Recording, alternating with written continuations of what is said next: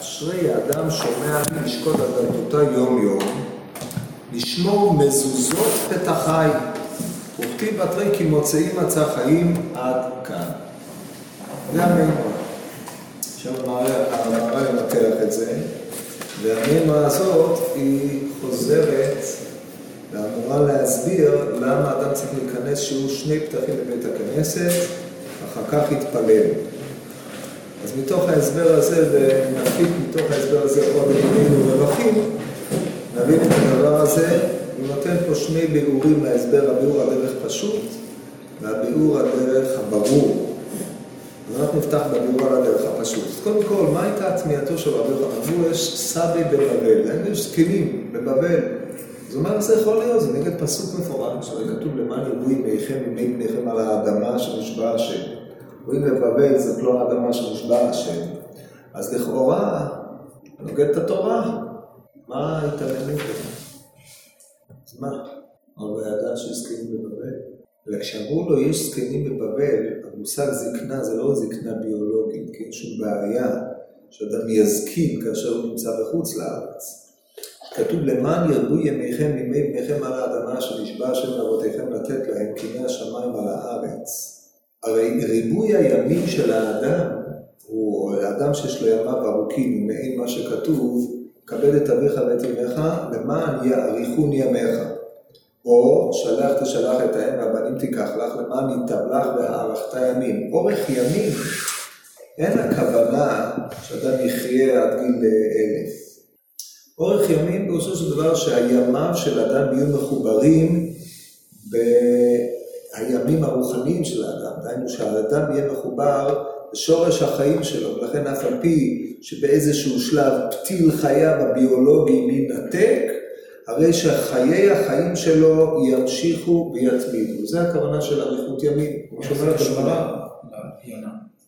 איך זה קשור לשיר החכם? איך זה קשור להורים, אבל איך זה קשור לשיר החכם? כתוב, אז הקדוש ברוך הוא אומר לך, אם תשלח את האם, מה ניתב לך, תעשה כרצון השם, ניתב לך בארכת הימים. מה הקשר דווקא לשיר החכם? אני מבין איך זה קשור להורים, כי... זה לא משנה, זה נכון בכל המצוות. אומרת הגמרא, הגמרא מסבירה שנתן לך דוגמה של שתי מצוות. אתה יודע מתן זמן של מצוות, עכשיו מצווה קלה, שילוח הקן בעיסה, זה הדבר הכי קל בעולם לעשות. זאת אומרת, תלוי את הזריז מספיק, אבל אני מניח שאתה מסוגל לעשות את זה. אתה עושה את שילוח הקן, כן, מי שעשה, צריך לתפוס אותה בכנפיים, זה צריך זריזות.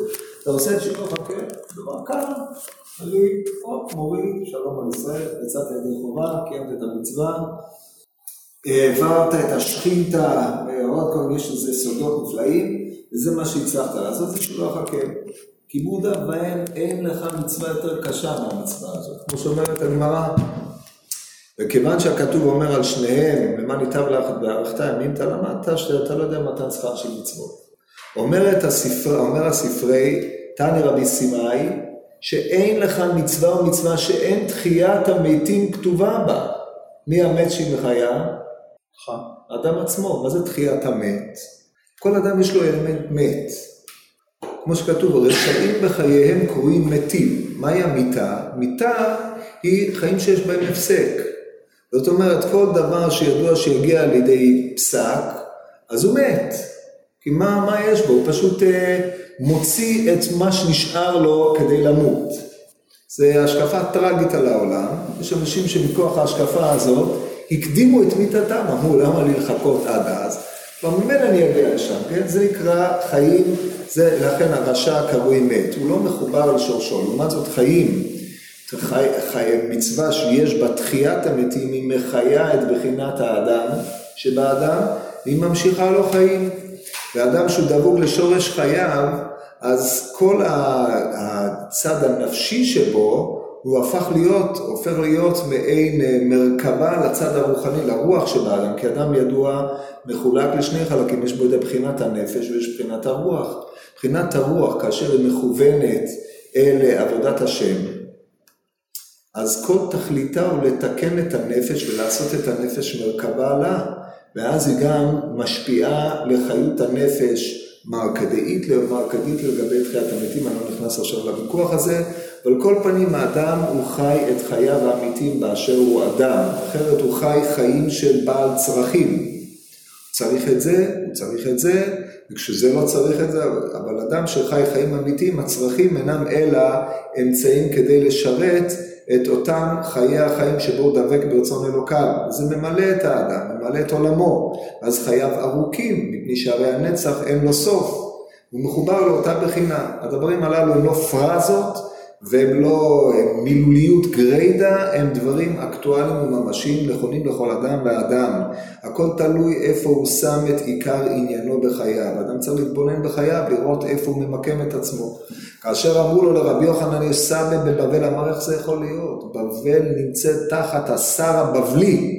כמו שידוע, יש 70 שרים, כל זה מפורש ומפורש בספר דניאל, והרבן הרחיב בזה קצת יותר, ושם העיסוק הוא בצורכי אותה מדינה, אדם שנמצא באירופה, בארצות הברית, באיזשהו מקום, הוא נתון לגחמות של אותה ארץ, הוא מתלבש בתכונות האמריקאיות, בלי להיכנס לפרטים על מה שאני חושב עליה, או תכונות הבריטיות שהן לא הרבה יותר טובות, או תכונות הצרפתיות וכן הלאה, והדבר הזה הוא נותן את אותותיו במסכת מידותיו או דפוסי התנהגותו, כן, גם תימן נכון, כן, היום בכלל זה מצב קשה, טוב שהיהודים מרגישים שם, וכן הלאה, זה הדרך.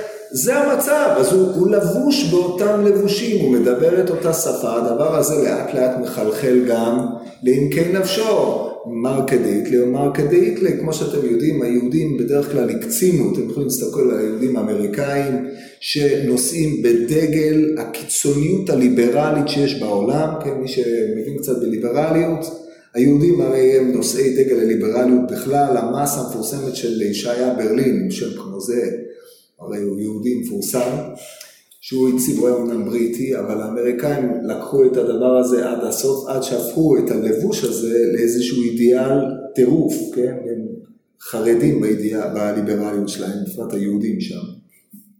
וכמובן בכל ארץ אחרת הם לבושים באיזה קליפה אחרת, והקליפה הזאת היא מונעת מהם את החיבור הטבעי שלהם אל נקודת השורש שלהם באשר הם בני ישראל.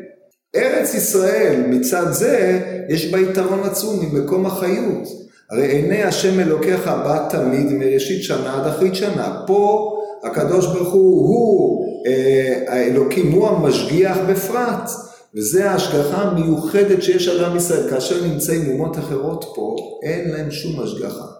אי אפשר להסביר את זה, אבל אם אתם מסתכלים על ההיסטוריה האנושית של ארץ ישראל, כאשר עם ישראל היה בגלות, זה מסכת של טבח, רציחה, הם לא הצליחו להקים כלום, שום דבר, גם כאשר היו הצלבנים פה עם כל ניסיונות דגולים, וגם כאשר הגיעו המוסלמים, שנמצא לחדים, מה? זה לא נקרא השגחה? אין, אין, זה ההשגחה היא שאין השגחה. כן, שאין, לא, זה לא ההשגחה היא שאין, אין השגחה זה סבבה, כאילו זה... לא, זה לא אין השגחה, ההשגחה היא שיש פה היעדר, זה לא המקום, לא, לא רצויים פה. מה שאין כן עם ישראל מהפלאים זה בבחייה, מי שקורא את חזון העצמות היבשות ואת הפרקים ביחזקאל בפרק ל"ו, ל"ז, זה פשוט מעורר התרגשות, זה לא יאומן כי יסופר מה עבר עלינו במאה השנים האחרונות, פלא שאי אפשר להסבירו. זה ההשגחה האלוקית על עם ישראל, אנחנו הדורות שראינו את הדבר הזה במו עינינו, לא כמו אבות אבות אבותינו שבגלות סבלו סבל, רדיפות ושאר עניינים. לכן הארץ הזאת היא ארץ מושגחת בפרט, בו האדם זוכה לחיים, השכינה מצויה, אלא שאדם צריך לפתוח את ליבו אליה. ברגע שהוא פותח את ליבו אליה, אז יש לו חיים ארוכים, כי הוא דבק במקור החיים. זה הדברים הפשוטים. אנחנו רואים את זה היום בחוש. זה קשה להסביר, אין, אין גם טעם להסביר, כי אין לנו כלים רציונליים כדי להכיל את הדבר הזה, מה זה משנה? אם תופעה שאתה לא יודע להסביר הוא לא טוב, הוא לא קיים, רק הבעליה יש פוזיטיביזם הלוגי, כמה יהודים מטורפים ועוד איזה גוי אחד שהמציאו את המודל הזה בווינה, ומאז טמטמו את המדע, אבל חוץ מזה אנחנו, לא כל תופעה שאנחנו לא יודעים להסביר הוא לא קיים. זה אני מקווה שאתם מזוהים עם הטענה הזאת, כן? מי שלא מזוהה, צריך תיקון בראש. טוב, אז עכשיו כשאנחנו מגיעים לדבר הזה, לא, יש אסכולות פילוסופיות כאלה, זה אפילו בזבוז לקרוא על זה. אבל עכשיו שאנחנו מגיעים לדבר הזה, כאשר בא, אמרו לו רבי יוחנן, יש סבא בבבל, זה לא שאמרו לו, שמע, יש אנשים זקנים בני מאה, מה זה מעניין אותו? יש סבא בבבל, דהיינו יש זקנים, אדם שהוא זקן, אדם שהאריך ימים, אריכות הימים, דהיינו, או אדם שיש לו אריכות ימים, מה זה יכול להיות? הוא לא יונק ממקור החיים. אז הסבירו לו, אמרו לו, הולך לבית כנסת כל יום. אז אמרו שהוא הולך לבית כנסת כל יום, ועל זה בא המהר"ל לתת הסבר. אז קודם כל הוא פותח בהסבר מה זה המקום, כן. לא, לא, לא הבנתי מה זה סחייס, כאילו זה לא אנשים בני מאה, מה זה גם בדיוק? אנשים שיש להם אריכות ימים, זה מה שהגדרתי כרגע. אבל לא הבנתי. אדם שיש לו אריכות ימים, פירושו של דבר שאדם שחי חיים מלאים. איך הם זיהו את זה? אמרו לו. לא, איך הם זיהו את זה על האנשים? אתה רואה? אדם שהוא חי, אדם שהוא לא חי. רוב האנשים מתים, מתים חיים, כן? הוא אומר, יש אדם שהוא כולו בוער, כולו ברן, דבוק בהשם. הוא אומר, זה לא יכול להיות. יונק מהשרים, איך הוא יהיה דבוק בהשם? או, זה אמר רבי יוחנן, לא מבין את הדבר הזה. איך הוא מחובר אל שורש החיים שלו? איך זה יכול להיות? זה הסבי שעליו הוא מדבר, ברור? על כל פנים, זה הביאור שהמהר"ל נותן. עכשיו הוא נותן שני מהלכים שהם כמובן אינם, לא רק שהם לא סותרים זה את זה, אלא המהלך האחד מהווה את התשתית למהלך השני, שזה בדרך כלל הביאור הפשוט והביאור הברור. כשאתם רואים ברור, מסולט מכל תוס, תוספות, אבל הוא נברא מהספרות היותר פנימית. כן, זה הכוונה ברור בהקשר הזה. עכשיו נראה את הדברים אחת לאחת. אז בשלב ראשון, הוא יוצא להסביר את תורת המקום, כמו שאמרתי לכם בפעם שעברה, מה שהוא אומר פה בקצרה, זה היסוד לספר נצח ישראל. אז הוא כותב כדבר הזה, יש לפרש כי המקום הוא מקיים את הדבר שהוא מקומו, כמו שהתבאר, ולכך נקרא מקום, שהוא מקיים את הדבר שהוא עומד בו, כי כך תמצא כל הדברים הטבעיים אשר יש להם אשר יש לכל אחד מקום, כאשר הוא במקומו הוא מקוים, כאשר יוצא מן המקומו אשר הוא טבע אליו הוא נפסד ונאבד, כי האוויר אין לו קיום רק במקומו, וכבר העידו על זה חכמים במקומות הרבה, ואין להעריך כאן, והערכנו לזה אצל תורה עשה הקדוש ברוך הוא, שהקדים גלות ישראל שתי שנים אצל בנו שמתם. טוב, אז אנחנו נסביר את זה בקצרה. אתם מכירים את תורת המקום האריסטוטלי? או בניסוח קצת יותר אישי, והשלמתם הלכות יסודי התורה, פרקים א' עד ד', יש מישהו שלא למד? לא, זה לא אכפת לי, לא למדתם, הפסדתם.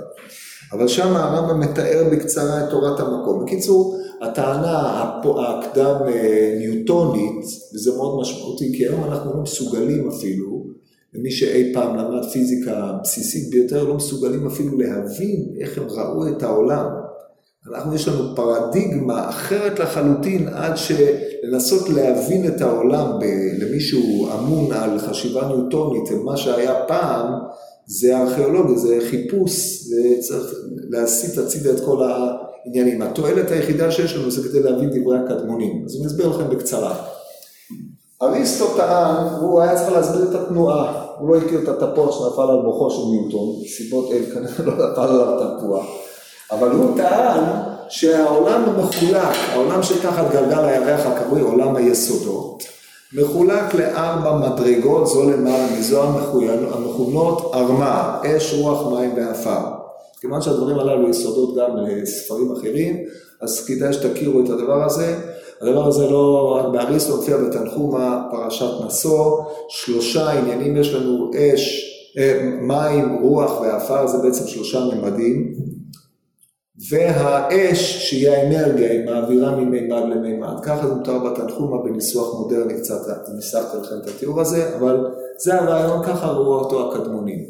העולם, התשתית שלו היא עפר, על גביו יש מים, על גביו האוויר ועל גביו האש. האש זה אחת החידות, מהי אש? נקראת האש היסודית והיא חושך, כן? כשאתם תלמדו רמב"ן או רמב"ם במורה נמוכים, את הביאור של הפסוק חושך ענן בערפל, כן, בתיאור מתן תורה בפרשת ואתחנן, חושך נקראת האש היסודית.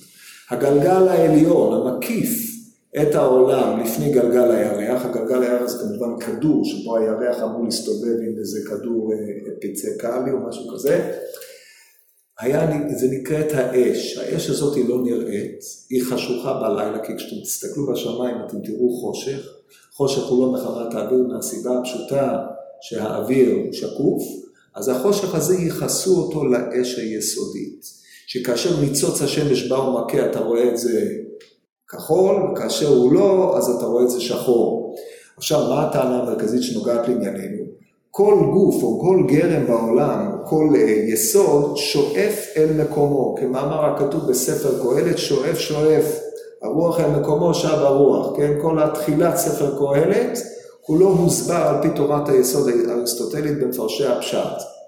המים שואפים להגיע ליסודם, הרוח שואפת להגיע למקור היסוד שלה, האש עולה למעלה, שואפת להגיע למקומה. כאשר יסוד יוצא ממקומו, הוא מתחולל ועובר שינוי, הוא לא נמצא במקומו הטבעי, הוא לא יכול להתקיים בתור שכזה. אז הוא תמיד שואף לחזור אל המקום הטבעי שלו. זה מסביר את תורת התנועה האריסטוטלית, כל דבר שואף חוזר אל מקומו. עכשיו, זה המודל הגשמי. עכשיו, המהר"ל מפשיט את המודל הגשמי הזה ואומר, כדרך שהדבר הזה נכון לגבי הגשם, העולם הזה, שהעולם הזה איננו אלא משל לעולם הרוחניים, כן, בניסוחים אה, של תורת הפילוסופיה של המדע, הם אומרים הפרדיגמה האריסטוטלית מהווה יסוד חשיבה לעולם הרוחני של המהר"ל. ואם כן, לכן חשוב להכיר את התפיסות האלה, למרות שבמדע הם לא יעזרו בכלל לאף אחד. כן. אם התפיסה באמת המדעית נפלה לחלוטין, איך אנחנו מתייחסים עכשיו למערב? כאילו, כל מה שהוא ביסס זה היה... אז... כל מה אני אתן לך משל, נניח שאני אתן לך משל. משל. ואני בונה, ויש לו ממשל, והמשל הזה כולו לא נכון. מה קורה עם הנמשל? הוא לא נכון עובדתית, אבל זו מערכת שאתה יכול להסביר אותה. מה, הבעיה בזה? העולם משל זה הזה- לא חכם, משל זה... ש- אני אתן לך דוגמה, אני אתן לך דוגמה. עד ימיו של קופרניקוס, חשבו שהעולם הוא במרכז. אחרי זה בא קופרניקוס, עשה מהפכה קופרניקאית, מה שקראו, כן? ועכשיו מה מתברר? שהעולם הוא לא במרכז, נכון? זה נכון או לא נכון? זה לא- זה לא נכון. לפי תורת היחסות של גלילאי, אתה יכול לשים צופה בעולם. פשוט מה שיקרה זה הרבה יותר מסובך לחשב את התנועות של גרמי השמיים. תלוי איפה אתה עומד, נכון? זה תלוי בצופה, אמת. עכשיו, אין שום סיבה להניח שעפר פחות כבד ממים, הוא יורד למטה, נכון? המים מעליהם, האוויר מעליהם, האש מעליהם, גם זה נכון, כן? האם נניח לאש היא תעלה למעלה, זה שאין לה לאן לעלות, או זה שתקרא לזה כך או תקרא לזה אחרת, מה אכפת לי? אז יוצא שאני נותן לך משל על עולם ארבע-ממדי, אש, מים, רוח ועפר, ואני משתמש בזה כדי שתבין את פעולת הכוחות הרוחניים, זה רק כדי לסבר את האוזן במה שיכולה לקלוט, או בניסוח אחר, אפשר להגיד ככה, כשאנחנו מסתכלים על העולם הגשמי, אנחנו מפשיטים ממנו את הדפוסים הרוחניים. אז עכשיו זה מה שהוא עשה, האופן שבו הרוח פועלת, או כפי שהמהר"ל ראה שהרוח פועלת, יכולה לפעול בכמה וכמה אופנים, זה לא, לא נכון. זה משל כדי לספר את האוזן. כל השימוש הטרמינולוגי במושג רוח, או השפעה, דברים כאלה, זה הפשטות של מונחים גשמיים, כן? זה לפי שיטת הרמב"ם. לפי שיטת המקובלים, המונחים הגשמיים אינם אלא השתלשלות של המונחים הרוחניים. יש, אה, כמו שמופיע בספר הוראה ושאר ספרות בסגנון הזה, כל זה תמצא את השלב בקצרה. אז עכשיו, זה לא משנה, העיקר, המשל הזה הוא כדי שהמוח יוכל לקלוט את האופן שבו הרוחני בא אל הגשמי, כי זה לא משנה, כמו שניסח את זה, זה גוי אחד, הכל, הבעיה המרכזית היא החיבור בין הרוח לגשם, זו נקודה בלתי נתפסת, היא אף פעם לא תיתפס, מפני שבאיזה מונח היא תתפוס. אם אתה מנסה להכיל, לתאר את הרוח במונחים גשמיים, אתה חוטא חטא של טעות קטגורית. אבל במונחים אחרים אין לך יכולת למנע, אין לך יכולת כי רק המונחים הגשמיים הם מה שאתה יודע ליצור. אשר על כן, לעולם אתה משתמש או נזקק למה שקרוי המשל, כן? שהוא בעצם איזשהו תיווך. מה אכפת לך איזה תיווך יש? עד כאן זה ברור? יפה. עכשיו, נחזור לתורת המקום. כן, רגע, אתה אומר שאין בכלל משמעות, ל- כאילו המהר"ל טוען שיש באמת איזושהי הגבלה, שהשם באמת מגלה לנו דברים מהרוחניות על ידי זה שהוא ברא את העולם המסוימת. אתה אומר שאין קשר בכלל. אני לא אומר, מה פתאום. אתה אומר שזה סתם, זה מה שיש לנו להסביר איתו, הם יכולים להסביר איתו עם עולם אחר בדיוק. אם הוא היה מסביר, הוא היה יכול להסביר, הרי הבעיה הגדולה היא איך הרוחני משתלשל אל, נכון? אז אנחנו צריכים איזשהו מודל כדי להסביר את זה. מה זה משנה איזה מודל תיקח? לא, אבל נגיד היום שיש מודל יותר טוב, זה אומר שאמור להיות יותר קל להסביר רעיונות יותר מורכבים רוחניים, קצת יותר טוב. באמת יותר קל, הרבה יותר קל. יותר קל מצד אחד, יותר קשה מצד אחר, כי אין לנו מסבירים, כמו שהיו פעם, כן? אז לכן כל המסבירים היום, רק אה, כמוני למשל, שאני לא יודע להסביר כלום. כל מה שאני עושה זה אני פשוט אה, קורא את מה שכתוב פה. אם הייתי רוצה להסביר מעצמי, הייתי צריך לקחת את המודל שאני משיג, מודל המדעי כלשהו, ועל בסיסו לבנות אה, לה- להעמיד אותו כמשל למודל רוחני, כן? זה פרויקט, פרויקט לא פשוט. אז אפשר לעשות את זה ברמות אלו ואחרות, אבל אה, כיוון שהאופן שבו אנחנו עובדים, זה אנחנו כננסים על גבי ענקים, קוראים בדבריהם ומנסים אה, להבין אותם. יש אנשים שגם אה, נותנים לזה איזשהו פשר אקטואלי, שבדרך כלל אני סולד מלשמוע אותו כי הוא די רדוד, אז אני משאיר את זה לכל אחד לקחת לעצמו את מה שהוא יכול להבין. אבל בזה אנחנו מוגבלים, כן? אותו דבר, כשתלמדו מורה נבוכים, ולא בשביל הפיזיקה האריסטוטלית שהוא מציג, אתם לומדים את הספר, כן? זה גם לא כתוב שם בצורה הכי מוצלחת, וגם זה לא מעניין. מעניין עד מי שלמד אה, או חוקר אה, תולדות המדע של יוון, ואיך הרמב"ם ארגן, סידר את כל האורגנים ב-25 טיעונים, ועוד כל מיני דברים כאלה, אבל כשלעצמו, מה זה מעניין אותי? אבל זה תשתית שמכוחה הוא גוזר את כל המערך של ההנהגה, האופן שבו הקדוש ברוך הוא מנהיג את עולמו. אז את הנקודת, הנקודה הזאת אנחנו יכולים ללמוד ממנו, וכל אחד אמור לעצמו לעשות את התרגום, כפי שהוא. זה מה שאני מאמין בו בקצרה, כן? כיוון שאני לא טורח לעשות את התרגום. אני רק מסתפק בהסברת מה ש... את התרגום אני עושה לעצמי, כי אני לא בטוח שהוא נכון לכל אחד, ואני לא יכול להתחייב על זה, כן? אז מה שאני לא יכול, לא נראה לי מיוסד, אין גם טעם לומר. מי אמר? אולי זה ההרגשה האישית שלי, כיוון שאני לא מעביר חבורות בהרגשה והתפעלות ודברים כאלה, זה... יש אנשים אחרים שמתמחים בזה, אז שם אתם צריכים לשמוע את זה. זה ברור? טוב, הלאה. אז עכשיו אנחנו, אחרי שראינו תורת המקום, אנחנו חוזרים לארץ ישראל. ארץ ישראל היא בבחינת המקום של עם ישראל. עם ישראל כאשר הוא יוצא מארצו, אין לו אפשרות לקיום. זה לא שהוא מתאדה מיידית, אלא הקיום שלו בתור עם נגוז. יותר מזה, גם בתור יחיד הוא נגוז. אדם שיוצא מארץ ישראל, הרי תיארו לנו את עם ישראל כאשר הוא יצא בגלות כמת, וכאשר הוא נשאר עוד בגלות, נעשה רקב עצמות, עד שלא נשאר ממנו אלא רקבובית שברקבובית, ככה מתואר בגרם. עם ישראל כאשר היה בגלות, קהילות קודש היו בגלות, ראו את עצמם כעצמות יבשות, מתות לחלוטין, שלולי לחלוכית של הבלה דגרמי ושוכן עליהם, לא היה בהם שום דבר והם היו עובדים לעד ולעולמי עולמים. כל הדבר הזה הוא פועל יוצא של השקפה בדברי הנביאים, כל זה מתואר בספר יחזקאל, כמו שאמרנו, חזון מעצמות היבשות. ככה תיארו את זה החכמים. אז אתם יכולים להבין למה תחיית ישראל בארצו זה תחיית המתים בצורה מדהימה ביותר. אנחנו רואים את עם ישראל כגוף, שמתפרק והולך, איבר פה, איבר פה, חלק פה, חלק פה, ופתאום קרבים, קרבים מעצמות, אז שנעשה גוף, ומה חסר בו? רוח. אז זה נאמר מארבע רוחות בואי הרוח, הופכים בהרוגים האלה, את הרוח הזאת אנחנו לאט לאט מכינים את הכלים כדי שהיא תוכל להפוח בנו, ואז נוכל, נוכל לקום, כמו המראה של דניאל על הארבע חיות והמשיח, הבר אנש שמופיע, כן? כל הדברים הללו הם תיאורים של המצב של עם ישראל. כן, כאשר עם ישראל יוצא לגלות, מה עם החסידות?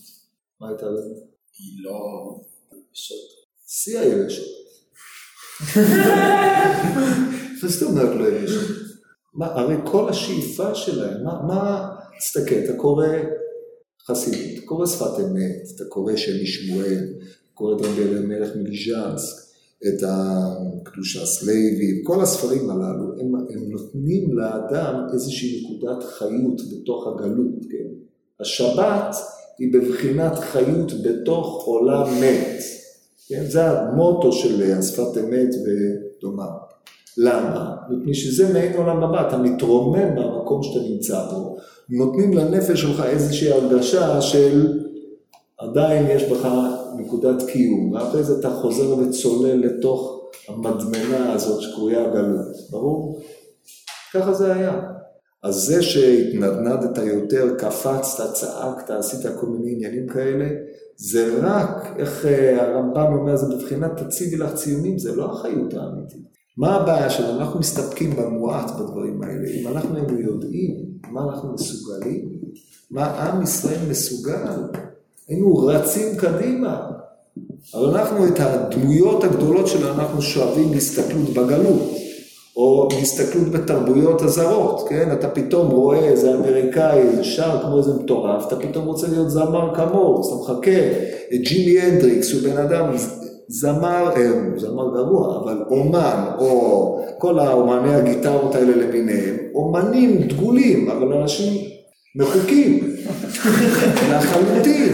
אתה רואה מוזיקאים ענקים, אדם, אה, זה, זה ברוק, אבל אני מדבר איתכם, אנשים, אה, דמויות נעלות מבחינה מוזיקלית, כמו בייטהובן, שגם היה איש הגות במידה לא מבוטלת, או אנשי רוח אלה ואחרים. אבל מה, הם, הם לא מגרדים את הקצה של מה שעם ישראל מסוגל להגיע אליו. ואנחנו מעמידים אותם כדמויות חזון, זה הרי שערורייה, זה לא יאומן כי יסופר. אנחנו מעמידים תרבויות או דפוסי התנהגות מייבאים תרבות זרה כדי להתעטר בה, זה לא מתלבש טוב.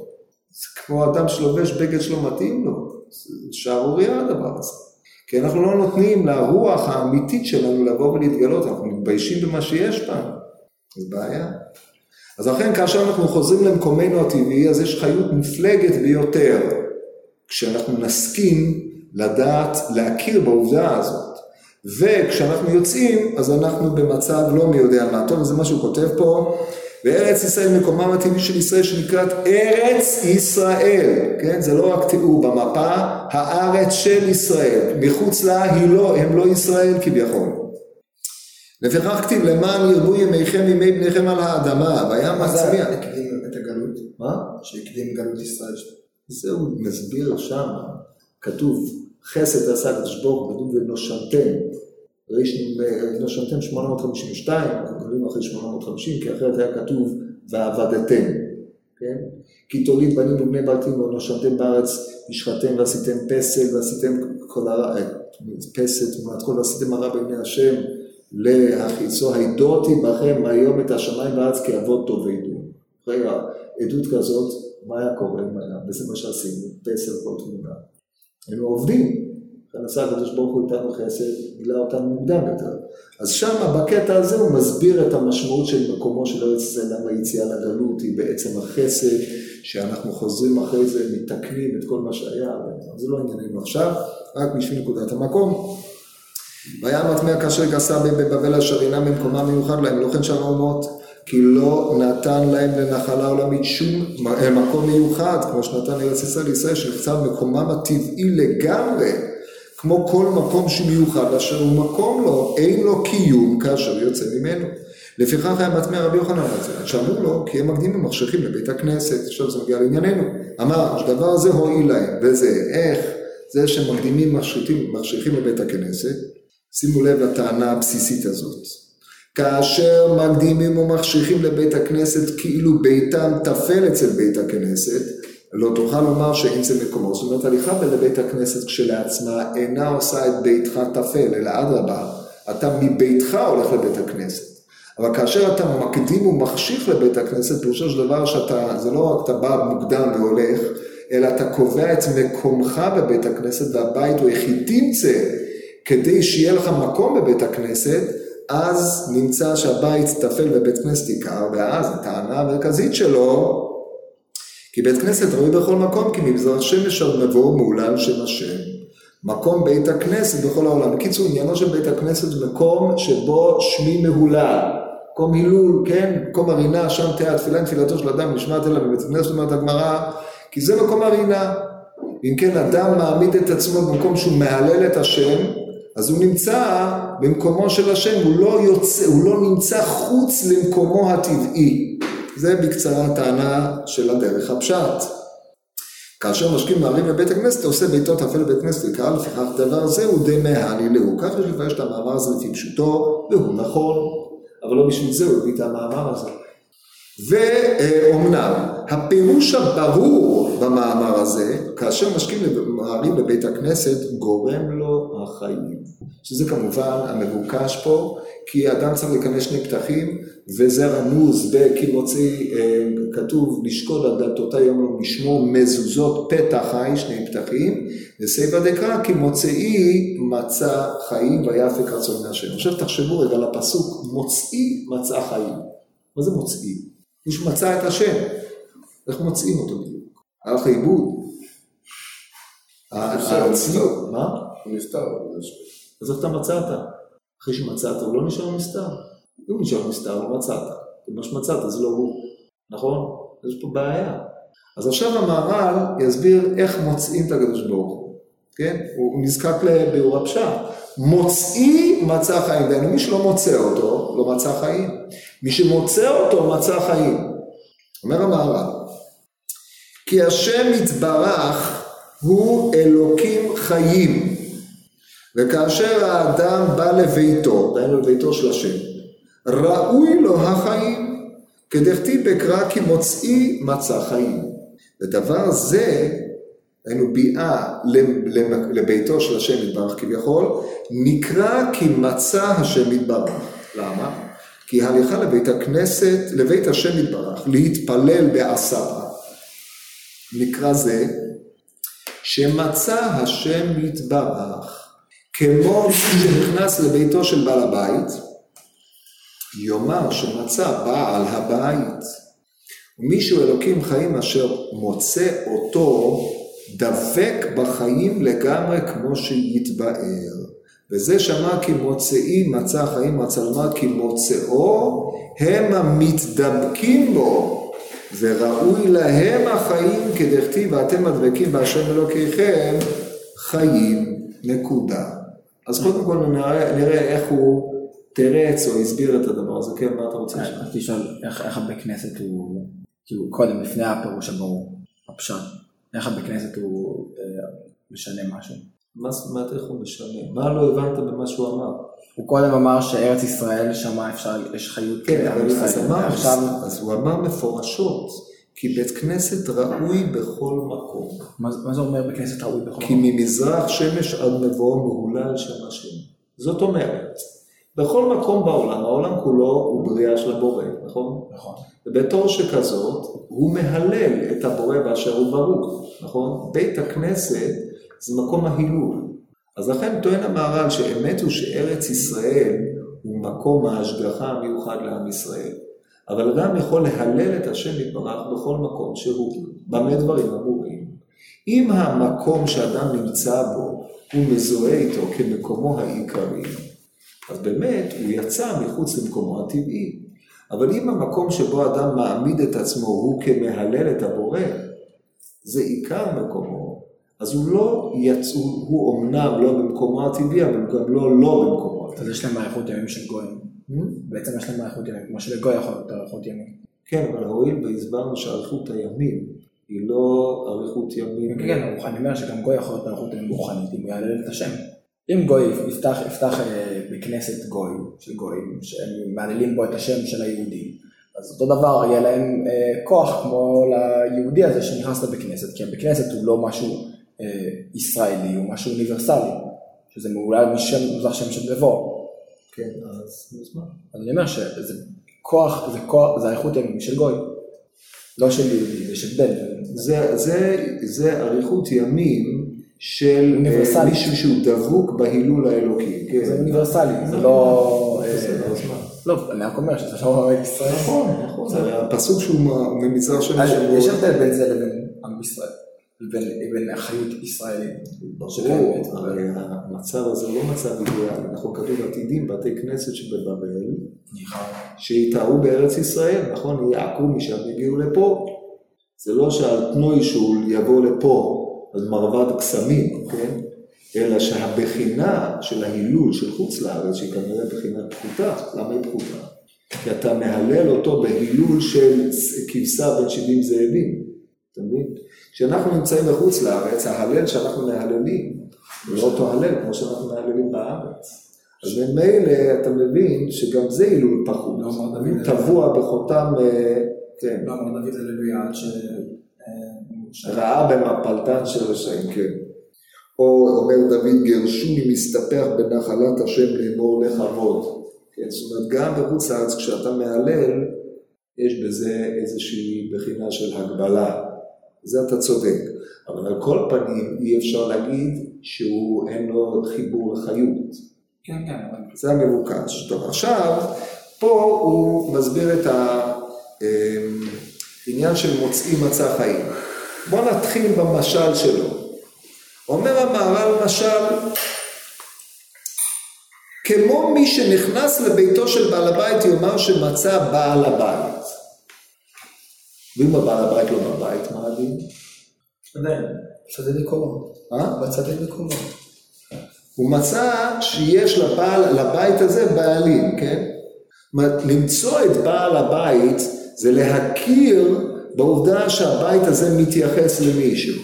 עכשיו, כן, או כשאתה נכנס הביתה, אז אתה, כשאתה רואה את זה מבחוץ, מבחוץ לא מאפיין לך את בעל הבית, אבל הבפנים שלו, התוך שלו מאפיין. עכשיו, כאשר אתה מתפלל בעשרה, או נמצא בעשרה בבית הכנסת, כל בעשרה שכינתא שריה.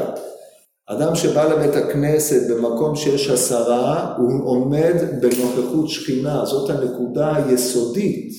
ולכן הוא מוצא במובן הזה. באיזה מובן הוא מוצא? מפני שבחוץ הוא לא מוצא.